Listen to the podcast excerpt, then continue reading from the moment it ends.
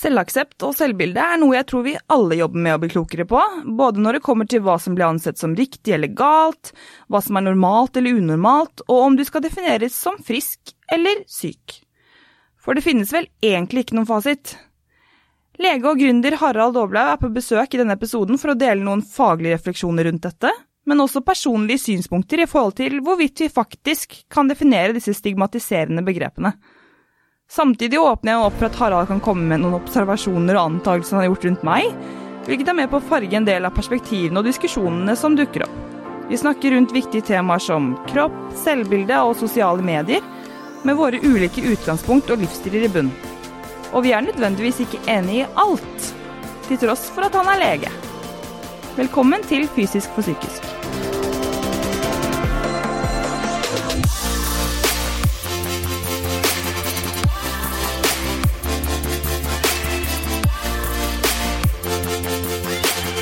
Jeg er så heldig å ha med meg tights.no på laget, som gir meg muligheten til å faktisk kunne lage denne podkasten, og det er jeg så utrolig glad for.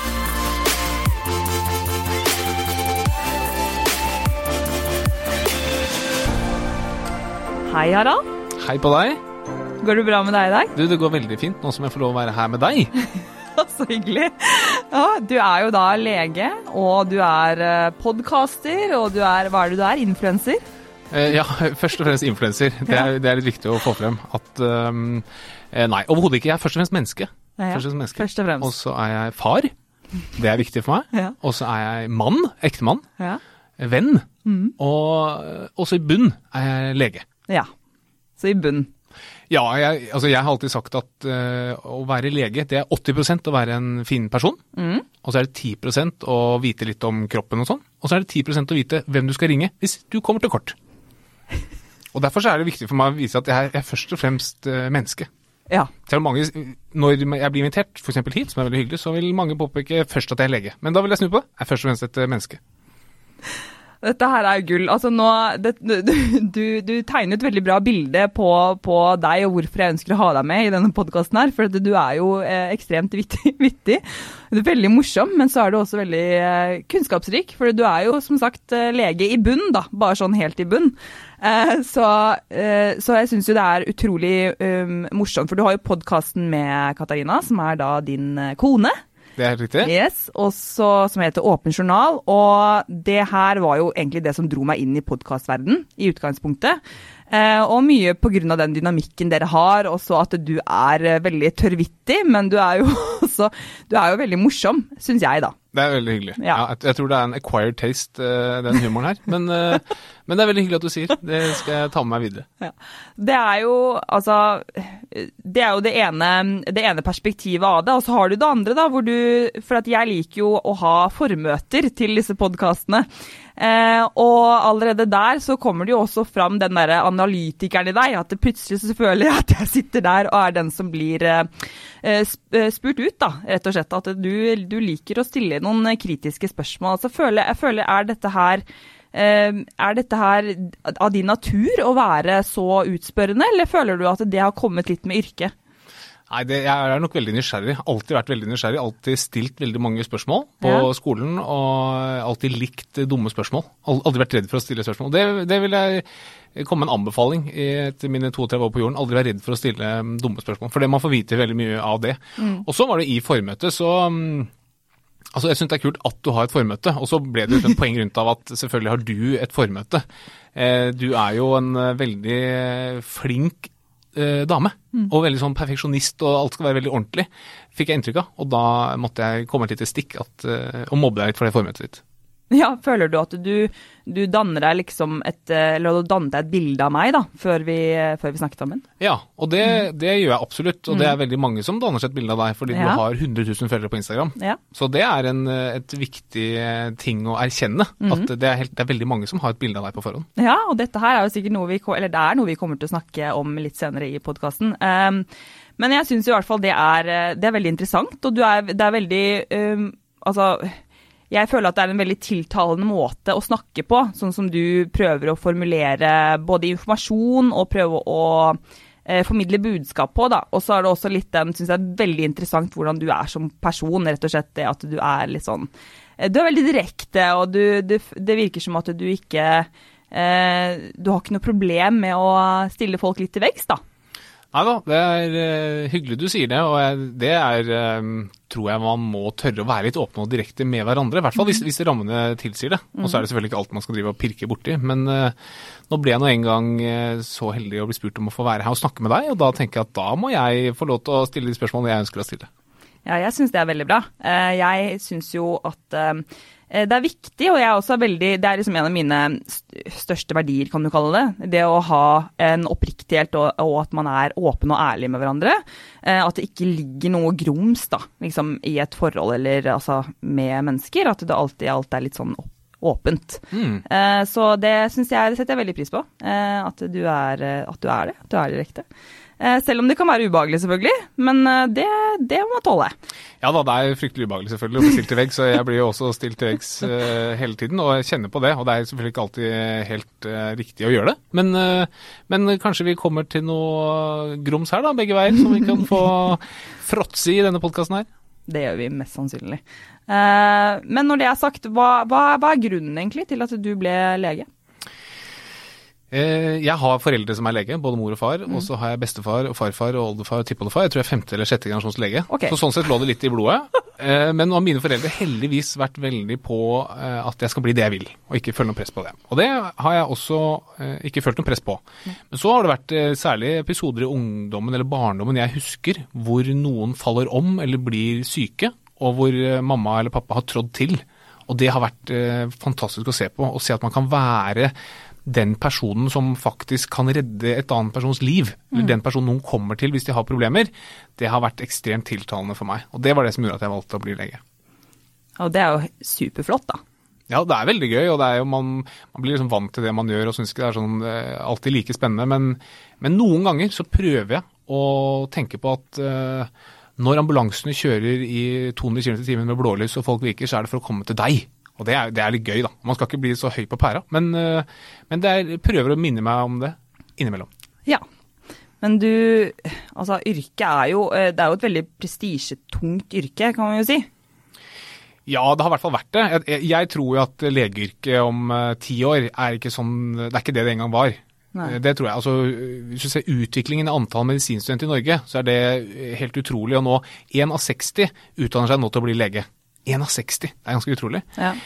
um, og hvis, hvis, du ser utviklingen av antall leger i Norge fra 1850 og til i dag, hvis den fortsetter, altså samme utvikling, at, at antall, altså prosenten av befolkningen blir leger, samme utvikling fortsetter, så vil alle i befolkningen være leger innen 2030. Ja. Absolutt alle. Så vi får en veldig eh, får, Det kommer veldig mange leger, som er veldig bra, ja. men det gjør selvfølgelig noe med den eh, pidestallen leger har vært på. Jeg, ja. jeg, tror nok vi må ristes og komme litt ned på jorda også, og det skjer også i den eh, effekten av at man, vi utdanner veldig mange leger. Ja, for du har jo, også, du har jo nå en, en slags influenserrolle også, som du har tredd inn i. Er det litt sånn på bakgrunn av dette? For å, for å liksom tenke at uh, Har flere ben å stå på? Ja. Nei, jeg vil, jeg, har, jeg vil, nødig bli kalt influenser. Jeg syns det, det, er et litt anstrengt begrep, og jeg har ingen jeg har ikke tjent noe penger på reklame. Jeg tror aldri jeg kommer til å tjene noe penger på reklame. Jeg har vært veldig heldig å få lov å spille en podkast sammen med min kjære kone Katarina. Og hun, eh, hun må vel kanskje kalles en influenser. Eh, ja, hun må vel kanskje kalles det. Ja. Og jeg har, jeg har, vært med på det. Og da vil det være helt naturlig at noen av de som følger Katarina på Instagram, eller hører på podkasten, også begynner å følge meg på Instagram. Men det skal jeg ta med, med, med stoisk ro. Jeg, jeg, tror ikke jeg, er ikke interessant nok til at det er verdt å følge meg.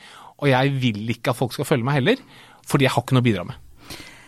Altså, grunnen til at jeg sier grunnen, grunnen, til at jeg sier dette, er jo fordi at jeg føler jo også at du har et litt, litt det derre um, uh, Hva skal jeg si Det, det morsomme og ironiske um, perspektivet på det å være en influenser. Jeg føler at du, du, prøver å spille litt på det. At det ikke kanskje Det er ikke, det er ikke målet ditt å være en influenser, men du spiller litt på det at, At uh, du syns det er så superflott å få masse følgere og Ja da, jeg, ja, jeg prøver jo å innimellom være litt humoristisk eh, rundt det. Og det handler, altså jeg, altså, å være en influenser er jo dødskult. Mm. Det er jo jeg som er liksom idioten som har gått seks år på skole og som nå må jobbe nattevakter og døgnvakter og sånn. Mens andre de får masse følgere på Instagram og tjener penger på eget reklame. Det er jo de som er de smarte her. Ja. Jeg er definitivt den som kommer dårligst ut i dette her. Men jeg tror liksom ak akkurat nettopp fordi man blir veldig fort satt i en sånn ja, nå er du influenser, eller vi sier at vår sønn Bernhard han skal bli influenser, og vi må liksom Vi har allerede nå begynt å snakke om hva slags eh, plastiske operasjoner han skal gjennom for å få flest mulig følgere. Det er også et lite stikk til den utviklingen vi er inne i, da. Altså at? Før i tiden så var det det å, det å ta en utdannelse eller gjøre noe fint for samfunnet. Da var du eh, på toppen av rangstigen. Ja. Mens nå er det jeg vil ikke si snudd helt på hodet, men du trenger ikke å gjøre spesielt mye bra for menneskeheten for å bli satt på toppen av rangstigen.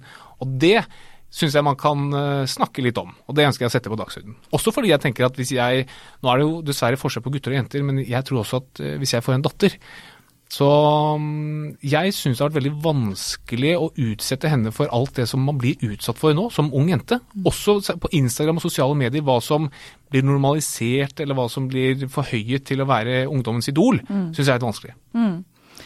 Ja, Det skjønner jeg veldig godt. og er, Nå kommer vi jo liksom litt inn på det. altså jeg synes jo Du altså du er jo veldig nysgjerrig, og jeg er også veldig nysgjerrig på deg og hva dine vinklinger er, og hva, altså hva dine meninger er rundt dette. da, og Det er derfor jeg også ønsker å liksom høre med deg om du hadde dannet et bilde av meg før vi snakket sammen. fordi at det var jo ganske åpenbart for meg da vi snakket sammen at uh, ja, du har dannet deg et bilde, men jeg tror ikke du har hørt podkasten min ennå?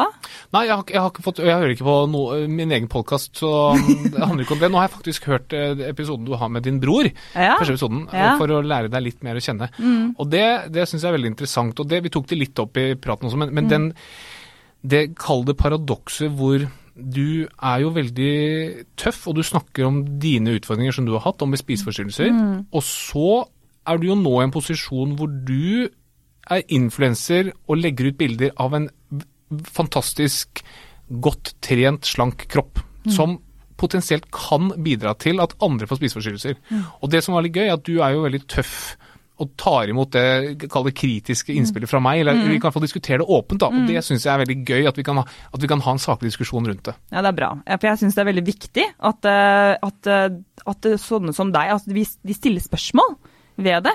Og at det er helt greit å gjøre opp sin egen mening, og at det er fint å ha diskusjoner rundt eh, disse temaene. Eh, fordi da vi snakket sammen, så snakket vi også om mye av dette med eh, Altså, jeg vet jo Jeg skjønner jo at du har et eh, ja, hva, hva, er din generelle mening da rundt influenserrollen? Jeg, tror, jeg, vil at man skal være veldig bevisst for, på det kroppsbildet man skaper, og de holdningene man skaper rundt kropp og seksualitet. Mm. Og jeg hadde vært jeg hadde ikke latt en teoretisk datter hos meg bevege seg fritt ut på Instagram. Mm. Eh, fordi man får et veldig skjevt bilde av hva som er den ideelle kroppen. Og du ser jo nå folk som opererer seg og blir seende Det som oppleves som perfekt, men som jeg vil se ser veldig sånn unaturlig ut og oppkonstruert ut, og så blir det idealisert. da. Mm. Og det er veldig lett for meg å sitte på min høye hest som har eh, kall en vanlig jobb og skal rakke ned på det. Og så kan man snu helt på det og si at vet du hva, man, man gir bare folket det, det de vil ha. Mm. Det som gir mest likes, det er lettkledde damer, mm. som kanskje også til og med er opererte, eller som har et uh, potensielt ikke helt sunt forhold til mat. Det er det folk vil ha, og da må man gi dem det. Jeg, jeg skjønner også det argumentet. Så Jeg sier ikke nødvendigvis at det er noe galt, men jeg syns vi må kunne snakke om det litt åpent. og si at Er dette et kroppsbilde vi ønsker å få fram? da? Eller skal man moderere seg litt? Det er, det er kjempevanskelig diskusjon. Mm. For du, du, kan ikke si til folk at de ikke skal legge ut uh, lettkledde bilder av seg selv. Da blir du jo uh, en, en antifeminist, eller altså, liksom, er jenter får ikke lov til det. det. Det er utrolig vanskelig. Det er et minefelt. Det er, det, er, det er, helt enig. Det er et minefelt, og det er veldig komplekst. fordi det er jo som du sier, det er litt sånn Du har jo flere, eh, altså flere sider av det. Eh, og jeg tror det er også det som faller meg inn da du spurte meg spørsmålet. At eh, jeg har selv tenkt disse tankene og stilt meg selv disse spørsmålene opp igjennom. Ehm, og, og, er veldig i, den, i, disse motstridende følelser og tanker rundt dette med at, at ehm, jeg legger ut disse bildene, men hvorfor gjør jeg det? Er det fordi at jeg skal få bekreftelse, eller er det fordi at jeg bare jeg er stolt av kroppen min, og dette her er det jeg har jobbet for? Og skal det ikke være greit å være fornøyd og være meg selv og bare Vet du hva, jeg gjør det fordi at jeg digger det, liksom. Og jeg syns det er dritkult, og jeg digger å ha Altså, jeg elsker å være godt trent, og jeg er veldig åpen rundt, eh, rundt altså, både psykiske problemer, men også det at jeg, jeg ser veldig objektivt på det med fysikk. Fordi at fysikk kan formes på så mange måter, og det handler kun om egentlig hvordan livsstil du velger å eh, leve og ha.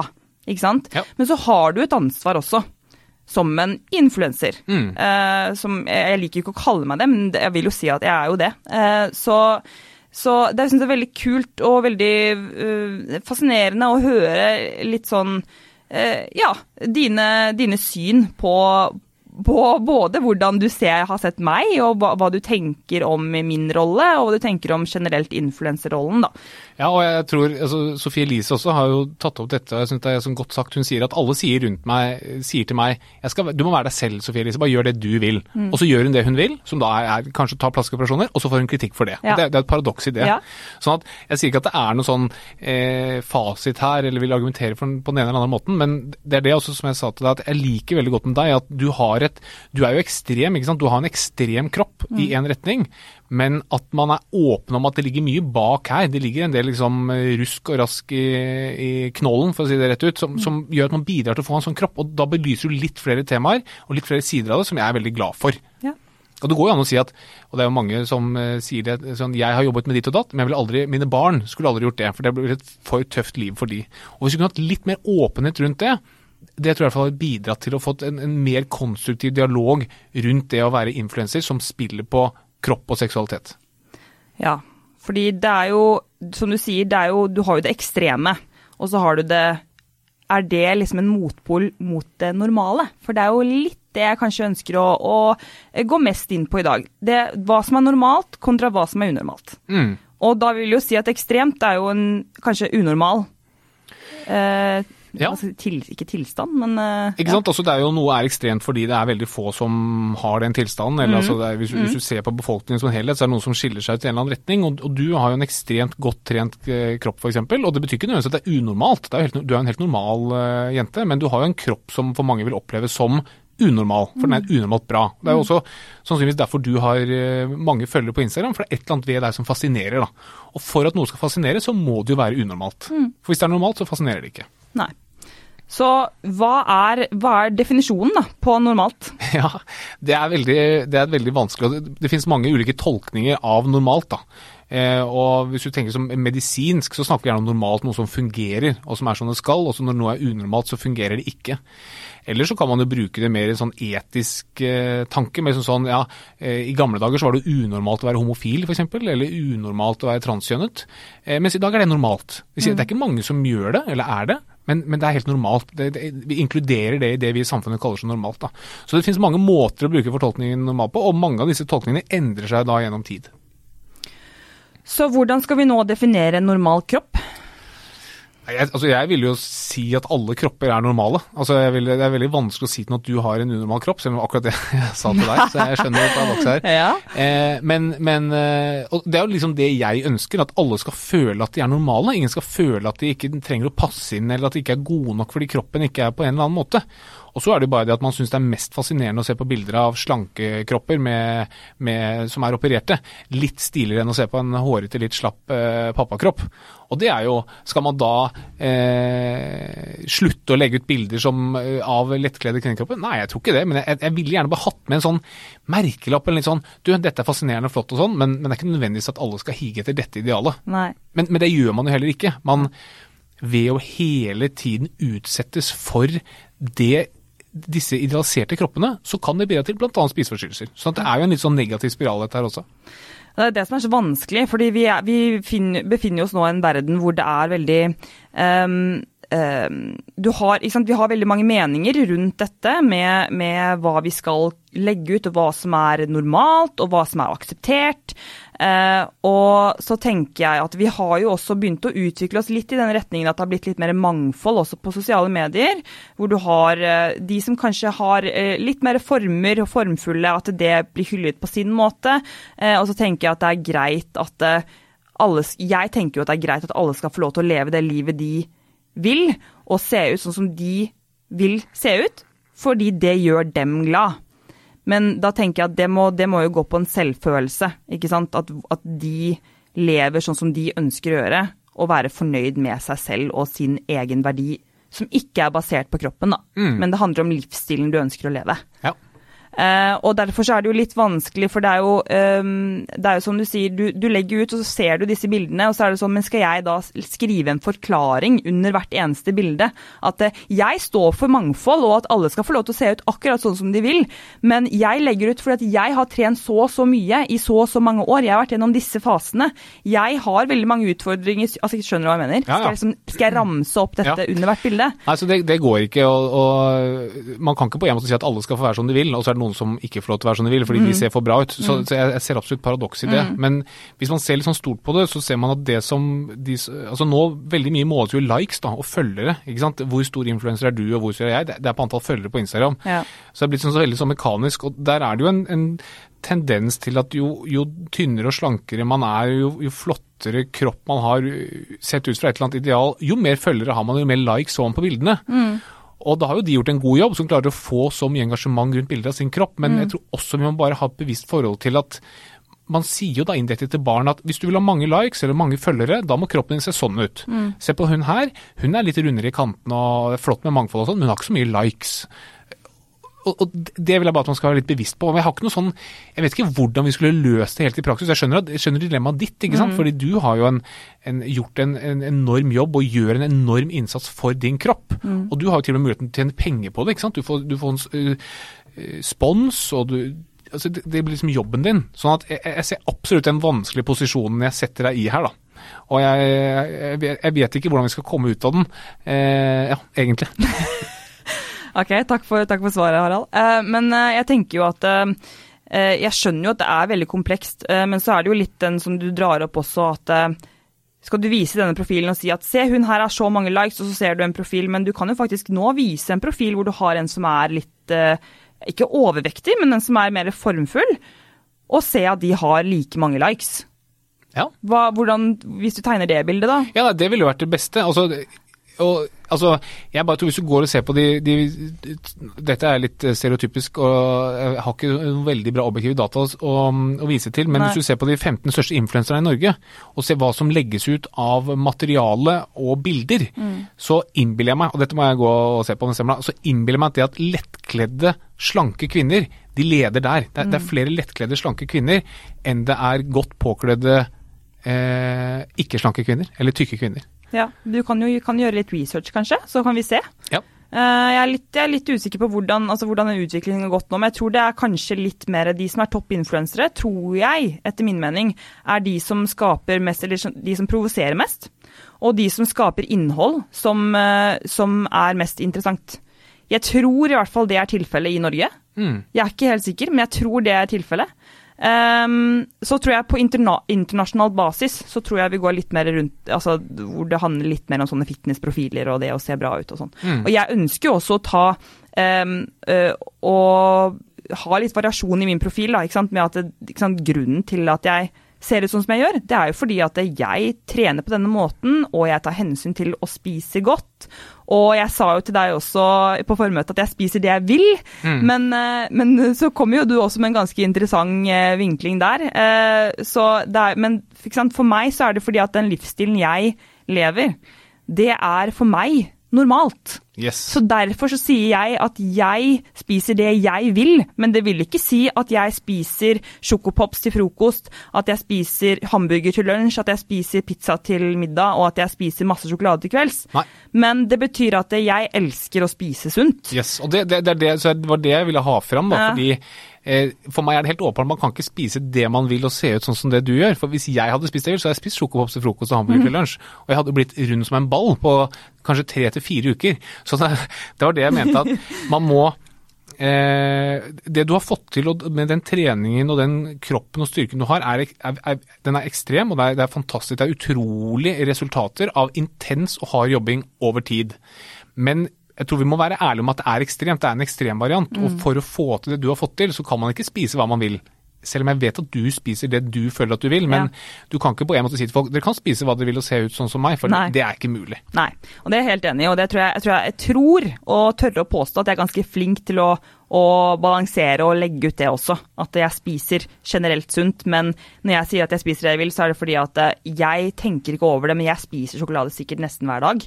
Eh, og det er litt sånn fordi at da kjenner jeg at å, jeg har lyst på det, så ta, altså, tar jeg meg det, da. Ja. Eh, og drikker vin og som, Altså, jeg drikker jo vin sikkert Jeg vet ikke hvor mange ganger du drikker vin i løpet av uka? Jeg, Det er så mange som mulig, men nå hadde jeg, nå hadde jeg hvit januar, og da var det null. Og så Ja. har vi gått ned til at det skal være to, Ja. altså kun fredag og lørdag. Ja. Og så drakk jeg på torsdag denne uken her. Ja, det gjorde jeg. Så det sklir litt ut. Men prøver rundt der, da. To til tre. Ok, til så da er jeg på samme linje, så det er normalt. Ja, ikke sant? Det er normalt. Så hva er normalt? Men jeg tenker også, du spiser sjokolade hver dag. Hvis jeg hadde gjort det jeg, jeg klarer ikke å stoppe på én bit eller to biter eller tre biter. Og jeg spiser ikke 95% kakao. Jeg spiser Freia melkesjokolade havsalt. Og det er uproblematisk for meg å spise en hel 200 grams plate alene. Ja. Ja, men det er kjempefint å høre. Jeg digger det også. Jeg digger at du er Du er jo også veldig åpen om dette her. Du er jo veldig åpen om din trening og ditt kosthold i f.eks. podkasten, da. Jeg føler jo ikke sant, jeg, kjenner, jeg føler jo ikke at jeg kjenner deg, men jeg føler at jeg kjenner deg på en eller annen, et eller annet sett og vis. Uh, men uh, men uh, det er jo en veldig interessant Altså, jeg syns det er utrolig interessant å høre høre, og at folk, flere, får høre dette pers altså, perspektivet, eller det er jo ikke noe Det er jo ikke et paradoks heller, det er jo liksom bare en, en forskjell da, på mennesker. At vi er alle forskjellige. Eh, og jeg tenker at du har jo sikkert valgt å leve på denne måten, eller føler du at du, le, du skulle ønske at du levde på en annen Eller levde Nei. på en annen, annen, annen livsstil, da? Altså, jeg skulle ønske jeg spiste sunnere, jeg skulle ønske jeg trente mer. Eh, og så er det en annen eh, veldig flink lege som heter Ingvar Wilhelmsen, og han sier det at eh, du får trent akkurat så mye som du vil. Det er ikke noe unnskyldning å si at du skulle ønske du trente mer, for det, da, da ønsker du det bare ikke hardt nok. Nei. Og så er jeg nå blitt eh, 32 år gammel, og jeg skjønner det at eh, å gå rundt og hele tiden ønske at man skulle trent mer eller eh, spist sunnere eller sånn, det, det blir veldig uhensiktsmessig i lengden. Man må liksom bare eie det og, og stå i det. Og der er også kommet fram til at sant, når, når sommeren nærmer seg, så tenker man ah, nå skal gjerne spise litt sunnere og få dratt av de ekstra kiloene. Men jeg tror det er mye lettere å bli glad i seg selv eh, sånn på ordentlig. Altså være fornøyd. Det, det tror jeg er mye enklere og mer effektivt enn å prøve å gjøre noe med kroppen sin sånn at du tenker at du objektivt sett er verdt å være glad i. Ja. Det tror jeg er ganske viktig. Og det er det eh, jeg prøver å lære min sønn Bernhard. og det, Hver kveld faktisk så bader vi han, og da tar vi han opp foran speilet. Og da sier vi som Bernhard, du er en fantastisk fin fyr. Eh, vi elsker deg, og du skal også elske deg. Og den kroppen du har nå, den er helt super. Og det uansett hvor man er tynn som en strek eller eh, rund som en kule, så er det bare veldig viktig at man er fornøyd eller glad i den kroppen. fordi det er den kroppen man har. Og så betyr ikke det at du ikke skal gjøre noe eller ikke skal trene, eller, eller at, det er, at man ikke skal få hjelp hvis man har spiseforstyrrelser, men jeg tror man må starte med det. Sånn, Dette er meg, jeg elsker meg selv, jeg vil være min egen bestevenn. Ok, ferdig med det. Nå kan vi se hva er som er hensiktsmessig for meg å gjøre med min kropp. Å, det er så fint. Du setter så fine ord på det. Eh, og det er jo eh, For jeg tenker jo akkurat det samme. Det er bare at vi lever to forskjellige livsstiler, for vi har valgt to forskjellige ting. Ja. Eh, så subjektivt, med andre ord, så altså hvem jeg er, det er den jeg liker. De egenskapene jeg har. Og altså bare generelt min personlighet, da. Det er det jeg liker. Og ut ifra hvilke omstendighet eller hvilke fase jeg er i livet, eller hvilken periode eller hvilke psykiske eh, utfordringer jeg står i, så vil kroppen min endre seg, og det har jeg veldig, det har jeg erfart. Eh, at det endrer seg veldig mye. Eh, men det er litt sånn, vet du hva? Det er for meg da litt objektivt. Mm. Fordi at min, altså, min helse, sånn psykisk sett, det er jo det som kommer først, og hvordan jeg ser på meg selv som person. U, altså uten kroppen. Så jeg ser det, det kobler jeg liksom ut i det tilfellet. Ja, men gjør du det? Altså, jeg, hvis jeg skal være så sånn direkte så jeg, jeg, Ja. tror at, jeg tror ikke man klarer å få en så eh, trent og slank kropp som du har, uten å mislike den lite grann, i bånn. Å, oh, ok. Hva, hva mener du? Det jeg mener, er at jeg tror at for å få det indre drivet som du har, eh, som er et fantastisk imponerende driv, som gjør at du klarer å leve så strikt som du gjør, med så mye trening og så bra kosthold, så er det nok noen mekanismer her i spill Ja. som gjør at du får det til. Ja. Som gjør at man det, det blir så mye trening og så mye fokus på kosthold at man er, man, man er nok forbi det sunne. Man gjør det ikke bare for å bli sunn, eller kall det leve lengst mulig, eller kunne gå opp fire etasjer utenom landpusten. Det er, det er nok noen andre mekanismer som driver deg, da. Tror jeg.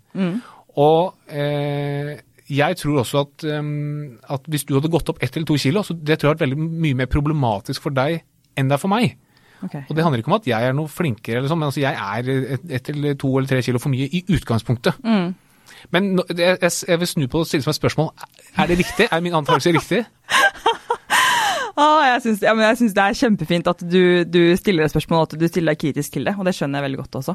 Eh, Jeg tror eh, Jeg er jo Jeg føler liksom at jeg befinner meg på en sånn reise hvor jeg er veldig Jeg vil være veldig transparent. Uh, uh, I forhold til at jeg har mine problemer, og dette her er veldig sånn uh, jeg kan, jeg kan liksom ikke si hvordan jeg har det om en uke den dagen, det tror jeg ingen kan gjøre heller. Men, men jeg som alle andre har jo ikke sant, dårlige dager. Jeg har eh, dager jeg sliter mer enn andre når det kommer til det med ikke sant, hvordan jeg ser meg i speilet, hva, hva jeg, altså om jeg føler at jeg liksom er litt ekstra stor den dagen, jeg føler at magen liksom er litt oppblåst, eller hva det måtte være.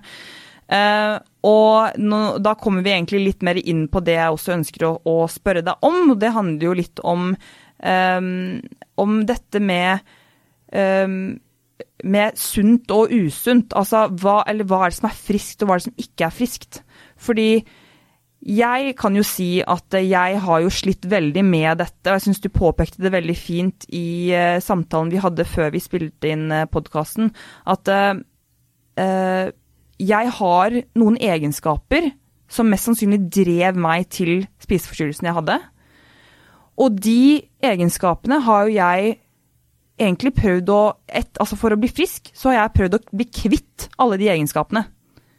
For jeg har tenkt at det, er feil. Mm. Hvilke egenskaper er det? Kan du være konkret? For meg så tror jeg det er veldig det er viljestyrke.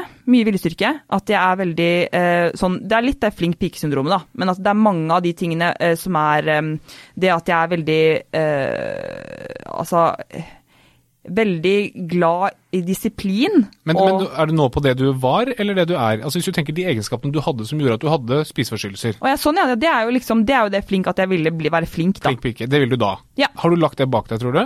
Nei, nei, nei. Det er ikke det, er det jeg mener at jeg ikke har. Yes, ja, Men jeg tror, jeg tror at uh, problemet med at det har, det har fastsatt seg så veldig sånn dypt nede, er fordi at jeg hele tiden Det har jeg snakket med Kristin Holte med på podkasten for, uh, eh, for en stund siden også.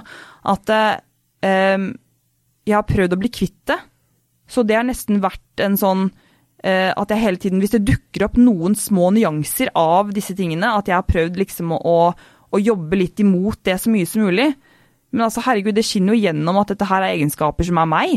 Men jeg prøver å jobbe mot det, og jeg tror kanskje dette er det som har skapt mest psykiske utfordringer for meg. Mm. Fordi at jeg har følt at det har vært feil. For eksempel at det har vært feil av meg å skulle øhm, spise sunt nå. Fordi at sant, da er du, satt- du er satt i bås, for du har hatt spiseforstyrrelser. Du er hun jenta. Ja. Da er ikke du frisk. Og det, det tror jeg skaper veldig mye konflikt, akkurat det der. og der er, lurer på om det er buddhismen jeg, som har et sånt begrep de kaller the second arrow. Og det som er som tankemakt, det er at se for at du blir skutt med en pil eh, i kroppen, og så, da blir du skutt med én pil, det er første pilen. Men pil nummer to, det er når du begynner sånn ah, fy faen, den pilen, og så traff den der, jeg var så tjukk i huet, som løp akkurat der hvor han eh, bueskytteren klarte å treffe meg. Altså Du gjør en del sånn mentalprosesser rundt det. da. Og det tenker jeg at er helt klassisk i det som du beskriver, at du har vært veldig flink pike, og det kan bidra til spiseforstyrrelsene dine. Jeg syns jo, basert på det lille jeg kjenner deg nå, du er jo en av de flinkeste pikene jeg har møtt. Så det er ikke noe, du er ikke noe Du er i hvert fall ikke noe eh, lite flink pike i dag. Så det er, ikke, det er ikke det du har klart å bli kvitt, men du har kanskje klart å putte det i en litt annen form. Ja. Altså Det som før var en, en ekstrem opptatthet av kosthold og kalorier, det har du nok fortsatt. Det er bare at du har klart å sette det i en ramme som gjør det til en fordel for deg. Det er ikke det at du forvitrer og, og blir ekstremt tynn og underernært og får problemer. Du har klart å bruke den opptattheten du er, og de, den disiplinen og det flink pike-syndromet som du har og har hatt, og sette inn i en kontekst som gjør at nå kan du bli en av Norges best trente eh, personer. Og da må du da blir også jobben litt å si at vet du hva, er, det er meg, det. Det er Silje, jeg er flink pike. Før så var det en eh, svakhet, nå er det blitt en styrke.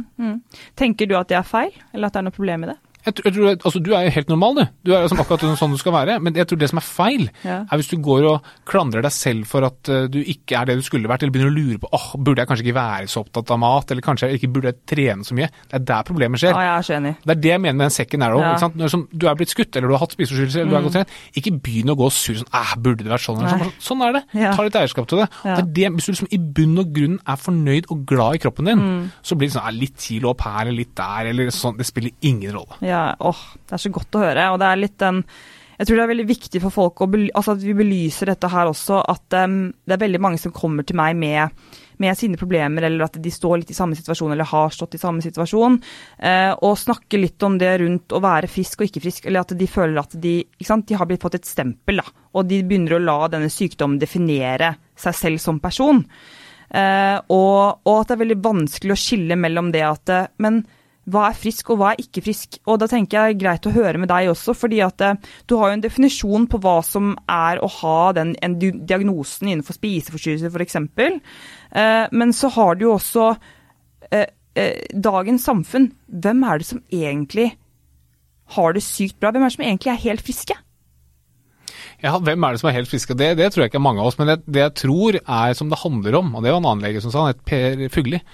Han sa det at jeg tror liksom det vi alle trenger, det er å gi litt mer faen. Ja. Det tror jeg at de lykkeligste av oss, de som har det best, er de som klarer å gi litt mer faen. Det tror jeg du også burde gjort. Du burde gitt litt mer F. Fordi det, altså For å komme dit du har kommet og bli så ekstremt godt trent, så kan du ikke gi faen. Du kan ikke gjøre det i det hele tatt. Og det blir en styrke, men det er også litt Det skaper også et stress. Og det at du har man får eh, sponsorer som sponser deg for at du legger ut godt trente bilder på Instagram, det, er en, det er en blessing. Og det er også en, eh, en eh, Hva er ordet der, da? Altså, du, du er som, det er en velsignelse på en måte, men det er også forferdelig tungt, for det kan gi mer stress. ikke sant? Det er sånn, ah, jeg skulle likt liksom, det er fredag kveld og nå skal jeg ut og slappe av. Ah, shit, jeg har fått meg en sponsor, en sponsor som vil ha et nytt trent bilde. Jeg må se bra ut i morgen. Ja. Så man, man, man graver seg litt sånn ned i en sånn grop. da. Ja. Hvis man liksom, grunnholdningen var sånn fuck it, liksom, jeg gir litt mer beng. Mm. Det er der lykken kommer. Og jeg tror at man, man går hele tiden i et sånt hamsterhjul og tenker at lykken den ligger liksom akkurat i horisonten. da. Ja. Og det er også et sånt syndrom som man snakker om som er I'll be happy when.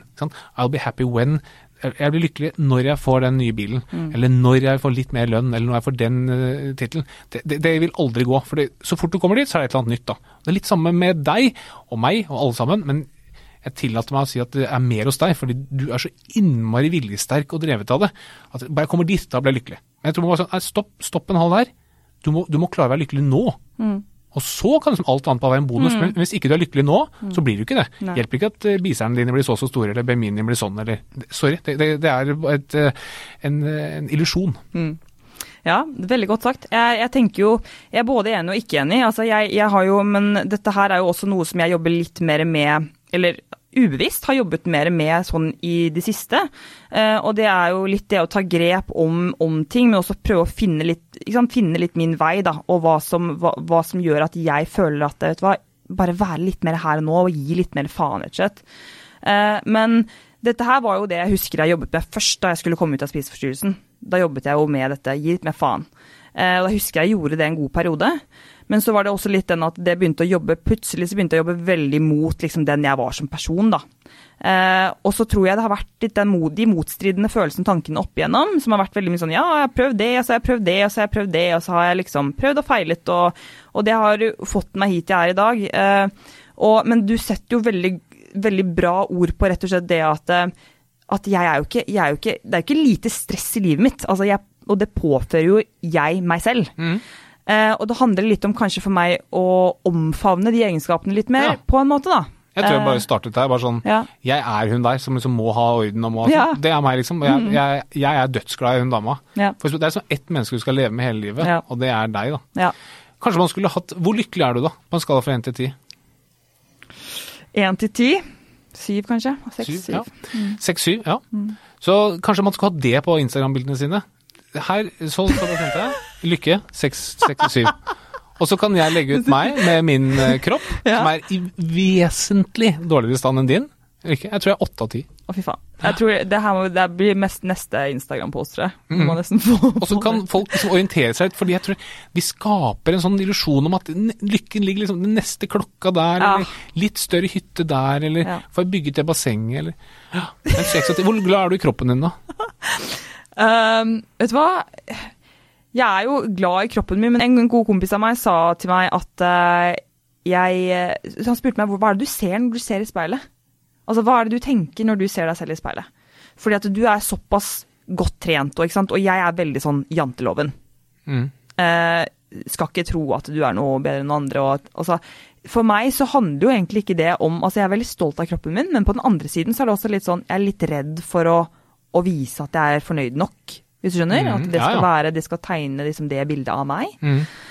Ja, hvor hvor Så- glad er du i kroppen din Ja, derfor jeg prøver, jeg prøver å resonnere meg frem til det. skjønner du? Det er litt sånn um, Jeg er eh, Jeg tror jeg jobber med Jeg er på vei oppover, men jeg jobber meg oppover. Jeg tror jeg er på rundt seks, kanskje. Seks av ti? Ja. Det er jo helt ekstremt lavt til en som Er bruker så mye tid på kroppen sin. Okay. Det vil jeg si. Ja. Fordi det er jo, ikke sant, og det er det her jeg også prøver å være veldig åpen om, da. At Mm. um, jeg er liksom Jeg er på en vei hvor jeg jeg prøver å si til mennesker, og det er hvorfor jeg ønsker å snakke om, med deg om disse forskjellene mellom eh, sunn versus usunn og eh, helse versus hva som ikke er bra helse. ikke sant? Mm. Hva er det som er sunt og ikke sunt? At jeg prøver å, å, å, fremme dette at eh, vet du hva, det er ikke sikkert den veien jeg har gått til nå, er en veldig sunn vei å gå. Altså, det, For det, veldig mange. det vet vi at det ikke er. For Ja. man, man kan se på bildene mine at dette er ikke en sunn kropp. Det er en fantastisk flott og trent og tynn kropp. Det er ikke en sunn kropp. Nei. Men det som er alarmerende her, det er det at en som er så flink, så disiplinert som det du er, har en sånn kropp og, og er seks av ti glad i den. Det det, det, er- liksom guffent, altså. Så det er, jo, det er jo nettopp derfor at eh, det, det jeg jobber med, er jo min selvfølelse. Og Yes. hva jeg faktisk jobber, altså hva jeg faktisk føler om meg selv. Mhm. Det handler ingenting med kroppen min gjøre. Altså det har ingenting med kroppen min å gjøre. Bra! Ja. Men hvorfor bruker du så innmari mye tid på kroppen din da? Nei, det, jo, det, det handler jo om For meg så er jo trening terapi, ikke sant. Eh, og det har blitt det. Mm. Og så har det jo bygget seg opp til å bli, og det er jo det jeg prøver å finne ut av nå også. Men så du kan jo skjønne at det, det er jo veldig mange spørsmål som dukker opp i hodet mitt, har dukket opp i hodet mitt siste halvåret da jeg skulle starte den podkasten her også. Fordi det er så mange temaer som har dukket opp, så tenker jeg jeg må ta hånd om det, jeg må ta hånd om det, jeg må liksom håndtere det, jeg må håndtere det. Og så har jeg blitt litt sånn, vet du hva, dette her er den rutinen jeg har kommet inn nå. Og det viktigste for meg er å prøve å ta én dag av gangen og prøve å bli 1% bedre for hver eneste dag. Eh, sånn at jeg klarer å, å bli mer fornøyd med meg selv og mitt liv. Ja, men det er, er er der jeg tror hele problemet er. Ja. Du jobber med ting utenfor. Sånn, du jobber med kroppen og trening og kosthold og, liksom, som er helt irrelevant. da. Altså 1 bedre og litt altså Det spiller ingen rolle. Du må starte helt i andre enden. Du må Ja. liksom bare nå, Jeg må bestemme jeg skal elske meg selv uansett. Jeg skal være glad i meg selv. Eh, sånn som Bernhard, foran speilet. Jeg er glad i deg, liksom. Ja, det selvfølgelig er litt mye fett der, og han har noen gang bæsj opp etter magen og ryggen. og Sånn. Jeg elsker deg, liksom. Uansett. Ferdig med det. Så ja, jeg kan godt tøyke bort den bæsjen eller liksom bli kvitt den siste kiloen, men det er ikke der liksom lykken ligger, da. Nei, det, og det er jeg veldig enig i, men, men syns du det er problematisk Tror du det er veldig problematisk for meg å, å trene og samtidig jobbe med disse tingene? For jeg, Ja. gjør, jo det du, jeg gjør jo det du sier. Jeg tror at de spiseforstyrrelsene du hadde og har slitt med, de, de er ikke du kvitt, Nei? tror jeg. Okay. Du har bare satt i et annet system. For hva er en spiseforstyrrelse? Nei, det det er en, for de fleste en veldig lav selvfølelse og følelse på mangel av kontroll utenfor seg selv, som manifesterer seg i en ekstrem kontroll over det man spiser og mengden man trener, for at man ikke skal bli for tykk og man skal bli slank. Du gjør jo akkurat det samme i dag. Det er bare det at nå ser du ikke du ser ikke liksom syk og tynn ut, du ser sterk og tynn ut. da.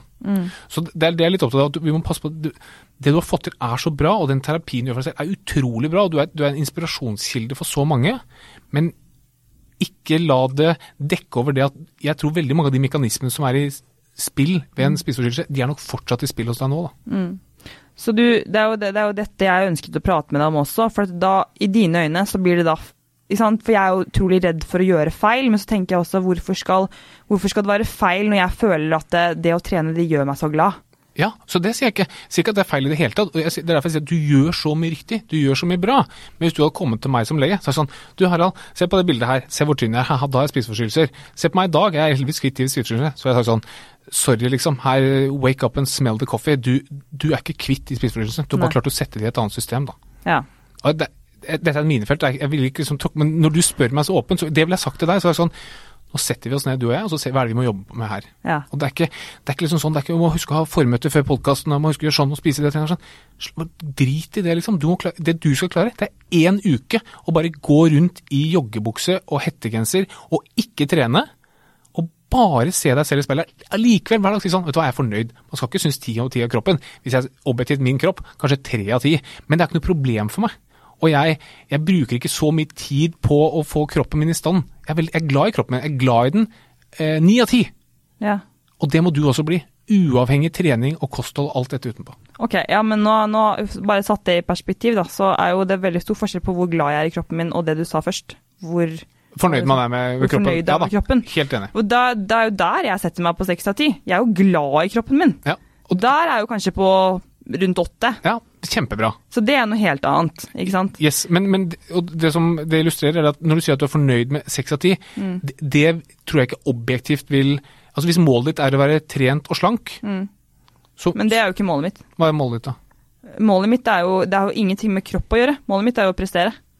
På styrke På trening. Ja. Ja. Ja. og det er jeg helt enig i, og det er veldig Ja. viktig. Men da er det også det med at det inntrykket du gir, de bildene du legger ut, det er jo en trent og slank kropp. Ja, Som er helt i toppen av hva man liksom kan se i verden. I hvert fall i Norge, da. ja. ja, ja. Og det føler jeg at det, det skylder man litt andre. Altså, Dette her er jo en Og det er enig at janteloven skal trekke oss litt ned her, men dette er jo en ni av ti kropp på, på, på styrke og, og fettprosent. da. Ja, ja, ja. Men for det var jo derfor jeg prøvde å spørre deg disse spørsmålene i stad, når det kommer til hva man skal legge ut, om jeg burde legge dette her under hvert eneste bilde. Eh, fordi at jeg, jeg er helt enig i at som deg som lege, så inntrer jo du en veldig sånn analytisk og veldig sånn eh, observant rolle, ikke sant, og tenker liksom Går litt på sånn nesten krisemaksimering med en gang.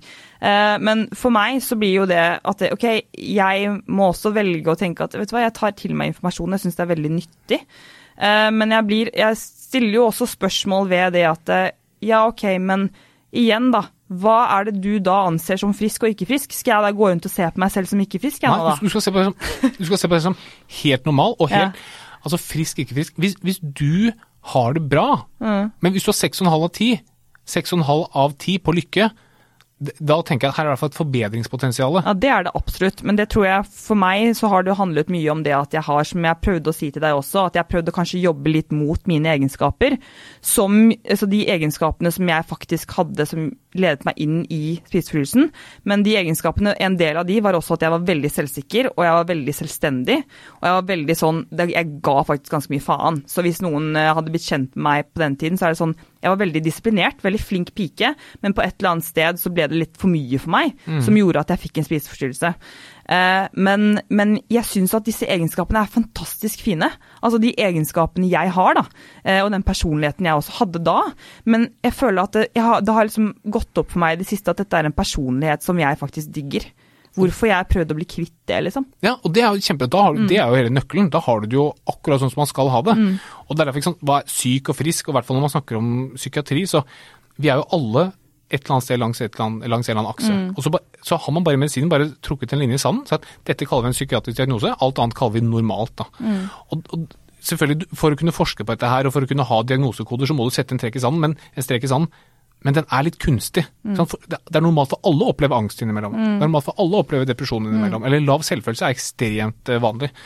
Sånn at nytter ikke å komme Hei, er jeg syk eller frisk? Nei, det, det må nesten du svare meg på. Er du fornøyd? Er du happy der du er? Har du, har du det livet du vil ha? Det skal ikke bli helt sånn floskel- og gurubasert, men, Jo, jo. men når det kommer til disse tingene, så, så vil, er det det jeg ville spurt deg som lege. da. Ja. Har du det livet du vil ha? Er du fornøyd? Ja. Og hvis svaret på er ja, ja, men supert, da skal vi ikke endre noen ting. Hvis svaret er nei, da er det sånn, ja, hvorfor er svaret nei? Ja. Og hvis, hvis du som er så godt trent, Hvis si at nei, nei, fordi jeg skulle vært litt bedre trent, eller litt mer sånn, da hadde jeg sånn, ok, her må vi bare trekke snora litt, grann, fordi når du er så godt trent, så, så, så er ikke problemet det. Nei. Kommer noen inn, veier 50 kilo for mye og sier at du, jeg er ikke fornøyd fordi jeg er ikke godt nok trent, da er det sånn, ja, men vet du dette får vi til, vi, vi, skal få til å Ja. gå litt, og så gå gjennom kostholdet. Mens, mens du er allerede helt ytterst der. Mm. At hvis du, hvis du vil videre ut, da, må vi, da må vi ta noen skritt tilbake og si, hva er det som driver den der vanvittige viljestyrken din, Mm. som gjør at du trener så mye og spiser så bra? Ja, for det er, veldig, det er jo også en veldig grei måte Altså, jeg ønsker jo å svare på det ved å si at um, jeg føler jo når jeg svarer på det med lykke, så er jo dette et tall som, som egentlig representerer hvordan ting har vært en god stund, sånn i forhold til både koronapandemien og at jeg har eh, faktisk valgt å ta noen ganske sånn eh, drastiske grep da, i meg, altså grave ordentlig i meg selv for å kunne komme bedre ut på andre siden, hvis, hvis du skjønner. Mm. Eh, og derfor så føler jeg at jeg, liksom, jeg, er på vei opp, men jeg jobber med det. Eh, og dette handler da om generelt å bli mer glad i meg selv. Og være liksom fornøyd og tenke at jeg er bra nok, da. Og mm. det jeg gjør er bra nok. Og da handler det ikke om hvordan jeg ser ut, det handler om det jeg gjør. Så om jeg ser, om jeg legger Og jeg håper jo det også, at jeg kommer til å få liksom Få den, eh, den følelsen av at eh, jeg kan stresse ned og ikke være i en sånn fight or flight-mode, for det er jo det jeg har vært mer eller mindre ganske lenge. Mm. Eh, og stresset veldig mye. Og det gjør at magen min får mer problemer, ikke sant. At, jeg, at det, alle disse tingene hoper seg opp.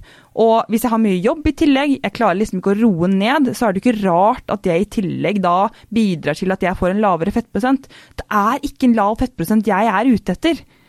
Jeg, jeg, elsker jo sant, store lår. Jeg ønsker meg skikkelig store lår og litt større rumpe. og Jeg, liksom sånn, jeg digger jo kropper generelt. Men fettprosent altså Jeg vet at jeg har jo hatt en mye høyere fettprosent. Jeg var minst like glad i meg selv da.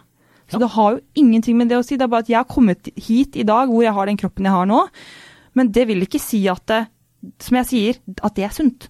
Nei da. Ikke sant? Og det, det, er jeg helt enig i. og det, det, jeg, jeg, tror at Den kroppen du har, og at du er glad i den, det er veldig viktig og det er veldig bra. og Jeg tror bare at man kan veldig, henge seg veldig opp i detaljer. og jeg må legge til Det at det å være så topptrent og toppidrettsutøver og i en eller annen ekstremvariant, det kan absolutt være forenlig med å være lykkelig og ha det bra. Så det er ikke nødvendigvis at fordi man er en godt trent, slank gutt, så er det nødt til å være noen problemer. men mm men hvis man kombinerer det med at man, man må bli enda mer trent, eller liksom lykken ligger i liksom få litt mer sånn, eller litt større lår mm. eller litt større rumpe, da kan det være noe i det inntrykket man har av egen kropp som burde rettes opp, mer enn at man faktisk skal gå og korrigere på kroppen sin. Mm. Og Det er bare de mekanismene jeg ønsker å belyse litt. Ja. for Jeg tror det er veldig viktig å, å, være klar over hvor mange mekanismer som spiller inn. For jeg tror ikke man blir, for alle man blir objektivt sett fornøyd med egen kropp. Det finnes ikke noe sånn utenfra hvor du tenker at ok, da var, da var den der, liksom. Mm. Det, det, må man bare bestemme seg for. Og Det tror jeg også er på grunn av at vi har liksom, det blir en sånn ytre motivasjonsfaktor, da, mer eller mindre. Jeg tror at det blir en sånn driver fra Altså du kan jo si så mye du vil, at du, ikke, at du driter i hva alle andre mener, ikke sant. Og så, det er ingen som, ingen som driter i alt alle andre mener. Neida, vi, vi, drives jo av ytre bekreftelser. Ja. og i, igjen, Hvis vi skal tilbake til Instagram-verdenen med likes og følgere, så ja. det er alltid en sånn ytre variant. Så mm. jeg tror liksom man må gå tilbake til er du fornøyd med, med ting sånn som jeg er i dag, da fortsetter du. Supert. Mm. Men hvis mm. du, hvis, du, hvis du, tør altså sette deg ned, slappe av, pusse Gir denne treningen meg, og det kostholdet, gir det meg glede? Er det positivt for meg? Supert. Da er du jo helt konge. Ja. Men hvis du føler at det blir et jag eller et mas, mm. da må vi gjøre noe med det. Mm. Jeg er helt enig. Og jeg tror at jeg også er, jeg er utrolig glad i liksom, jeg, spiser, eh, jeg spiser mye. Eh, jeg, veldig mange spør meg hva jeg spiser, og så er det sånn ja, jeg spiser jo opp mot 3000 kalorier om dagen. Eh, og jeg, jeg, får i meg Men det handler ikke om det. Jeg ønsker bare å, å nå jobbe med å på en måte luke ut stressfaktorer i livet mitt for å klare å slappe mer av, sånn at det også kanskje kan gjøre at jeg øker fettprosenten min litt. Fordi at jeg har ikke lyst, jeg trenger ikke å styre noe annet rundt livsstilen min. Jeg trenger ikke å sitte og stappe i meg mat på kvelden fordi at jeg tenker at det, nå må jeg gjøre det for å tilfredsstille andre, for at de skal tenke at jeg skal ha, øke fettprosenten min. Og det skjønner jeg, men jeg tror liksom vi er nok fortsatt ett skritt altså vi er litt for høyt oppe, vi må gå ett skritt ned. Det handler mm. ikke om fettprosenten din eller antall kalorier. og bare det, at, bare, det at, du nevner det, tenker jeg at mm. Det er potensial for at det er et stressmoment, det også. Ja. Hvis vi liksom skulle gjort det, og du sier sånn ah, nå skal jeg få fettprosenten min. Bare, den fettprosenten, bare kast den, da. Bare ja, drit i den, liksom. Om, det er på fem eller sju eller elleve. Liksom. Det Men det er jo det jeg jobber med. Så det er det jeg skulle til, frem til, at det er jo det jeg jobber med også. At jeg bare Jeg har lyst til å kaste fra meg disse tingene, men så føler jeg at jeg har jo allerede plassert meg i en posisjon hvor folk har meninger om alle ting jeg gjør. Eh, og det er jo derfor jeg ønsket å snakke med deg i dag også om alt dette med, med unormalt, normalt, og, og, og, hva som er sunt og ikke sunt. Mm. Fordi at eh, jeg ønsker jo å høre ditt perspektiv på det, da. ikke sant? At det er eh, Jeg får jo Jeg opplever jo også det at jeg skjønner jo at jeg, jeg påvirker folk på en måte, og så tenker jeg at jeg får meninger fra den ene og det andre hold ikke sant? om hvordan livet mitt skal være, eller hvordan det burde være, eller jeg burde, hvordan jeg burde leve pga. hvordan jeg har vært, eller hvilke sykdommer jeg står i, eller hvilke sykdommer jeg har stått i. Mm. Så tenker jeg at eh, åh, gud, kan jeg ikke bare, kan jeg ikke bare få lov til å være meg? Mm. Eh, og det er jo derfor jeg ofte bare Vet du hva, jeg bare, det bare driter i hele jævla Instagram-kontoen, liksom. Jeg bare legger det ned. Mm. Men så tenker jeg også at eh, vet du hva, dette her er jo også Det, har jo, det er veldig mye fint jeg kan bruke Instagrammen min til. Og det er veldig, veldig mye jeg føler har hjulpet, spesielt under koronapandemien også, ikke sant? hvor man har følt seg ensom, og det har bidratt til å føle at du har et slags eh, community, eller et samfunn, som du kan strekke ut i der også. Um, men, men det er jo det er veldig mye motstridende følelser og tanker, men jeg føler også at dette her er jo egentlig ganske normalt, det òg, er det ikke det? Jo, jo, det er 100% normalt. Ja. Du er helt normal du også, selv om du, jeg sier at du er på en ekstremvariant på trening og sånn. Det er du jo, det er jo veldig kult. Det er jo det som en av tingene som gjør deg så unik, og som gjør at du har så mye følgere og så stor fanskare som du har. Em, så jeg er 100 enig i det. og det, er, det, er, det har vi allerede snakket om. men Det paradoks og de eh, konfliktene man står i. Man, man burde gjøre, og så burde man ikke gjøre. og Du føler at uansett hva du gjør, så blir det gærent. Men det er derfor man må bare bestemme seg selv. Hva er det jeg vil? Hva er det som gjør meg glad? Og så må man bare stå i det. Og du, man, man klarer aldri å gjøre alt til laks uansett. Er dette en utfordring du tenker at du ønsker å gi? For vi pleier å gi utfordringer til, eh, til lytterne, og da vil jeg gjerne at gjesten skal gjøre det. Og du har jo veldig mye interessant som jeg tenker at du har sikkert gitt meg tusen, du kan sikkert gi meg tusen utfordringer eh, her og nå, men eh, er det noe vi kan gi sånn generelt til lytterne? Um, ja, en utfordring det vil være å stå naken foran speilet, Mm. og så se på kroppen sin. Så liksom, bare se seg selv i øynene og si den kroppen her, den elsker jeg. Jeg elsker den kroppen her. Det er en utfordring. Ja? Gjør du det hver dag? Jeg har, jeg har prøvd å gjøre det i perioder. Nå gjør jeg det med Bernhard, så jeg gjemmer meg litt eh, bak det. Eh, Ja, men nevner- eh, Ok, Kanskje for de som ikke vet hvor gammel Bernhard er, da. Hvor gammel er Bernhard? han er 17 år. Nei, han er seks, seks måneder. Ja, seks måneder, så han er bitte. Ja. Men det er det, Eh, det er det jeg vil. altså sånn, Jeg syns ikke at man skal være skamfull fordi man er for tjukk eller for trent, men man, man, alt må være normalt. Man, alt må være akseptert. da. Man være fornøyd med alt uansett. Ja, og det, Jeg kommer i hvert fall til å ta med meg det videre. og allerede, Dette begynte jo allerede å sette i gang noen prosesser hos meg. etter det, så Du er en veldig flink lege. Eh, du er veldig flink til det, i det, det du gjør. Eh, men også, du er jo en, altså, en fantastisk person, og du virker som du, altså, du bryr deg. da. Eh, virker det som? Jeg vet ikke, men eh, Jeg gjør ikke det. Nei. Ja, jeg gjør det. Og det, jeg vet at sånn, Jeg, jeg syns jo det du gjør er så bra, og det er så fascinerende. Du er en så vanvittig bra dame som får til det du får til, og som i tillegg er åpen om liksom, utvikling. Det er en fantastisk kombinasjon. Og så er det liksom når man begynner å snakke om flink pike, som liksom Du utstråler flink pike. Alt er perfekt og i orden. og det, det, det er veldig fascinerende og gøy å se på. Og så er jeg nødt som lege å pirke Er det liksom er du, Blir du glad av dette her? Er du liksom, Gjør det deg lykkelig for hvert nye eh, sponsor du får, eller gir det egentlig bare mer stress? Føler du at du er nødt til det som lege, eller er det liksom noe du er nysgjerrig på? Er liksom din Ja, Det er nok min, en av mine last, mange laster i livet. Og jeg, jeg gjør ikke det med, med de som ikke spør eller inviterer meg til podden, men nei. her måtte jeg gjøre det. Ja, Det var veldig gøy, og det er veldig gøy å snakke med deg. Å, så hyggelig. Ja, det er, for det, er jo, det her blir jo en veldig fin oppsummering også. Jeg tenker at det, det er noe veldig mange kan ta med seg. fordi at jeg, eh, jeg ønsker jo det å, å omfavne de egenskapene jeg har, og omfavne hvem jeg er som person. Og jeg kjenner jo at bare, jeg kjenner bare, bare å tenke tanken av å gjøre det, det gir meg plutselig mer energi, og da føler jeg meg plutselig bedre. Automat, altså umiddelbart. Yes. Så jeg tror at det er jo noe Både det, at det er noe jeg skal gjøre videre, i hvert fall. Og det tror jeg noen noe lytterne også absolutt kan gjøre. Eh, og bare, ikke sant, Det å gi litt mer faen, det er kjempefint, men du skal også omfavne det at vet du hva, hvis du kan stå for det du gjør, og du ønsker å stå for det du gjør, så har det egentlig ingenting annet noen ting å si. Helt enig. Og du, du får ikke alle, alle blikket glad uansett. Du, noen eh, liker det du gjør, noen liker det ikke. Ja. Uansett. Sånn vil det alltid være, så vi får bare akseptere det. Yes. Supert. Tusen hjertelig takk, Harald, for at du var med. Tusen takk for meg. Dette her var, eh, det var ypperlig. Altså, jeg, jeg er så energi, eh, energibombe nå, så nå, nå skal vi på trening. Ja, nå skal vi på trening, ja. Spise litt sunt. Det blir bra. Få en litt, eh, en litt annerledes dag i uka di. Ja, det, det blir veldig bra. Nei, men Vi får si, si takk, og så vil jeg si at du må huske å være snill med deg selv. Ha det bra. Ha det.